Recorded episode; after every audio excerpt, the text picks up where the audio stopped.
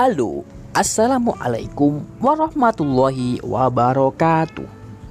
Selamat pagi, siang, sore, malam, tengah malam Ya, selamat datang di podcast gue.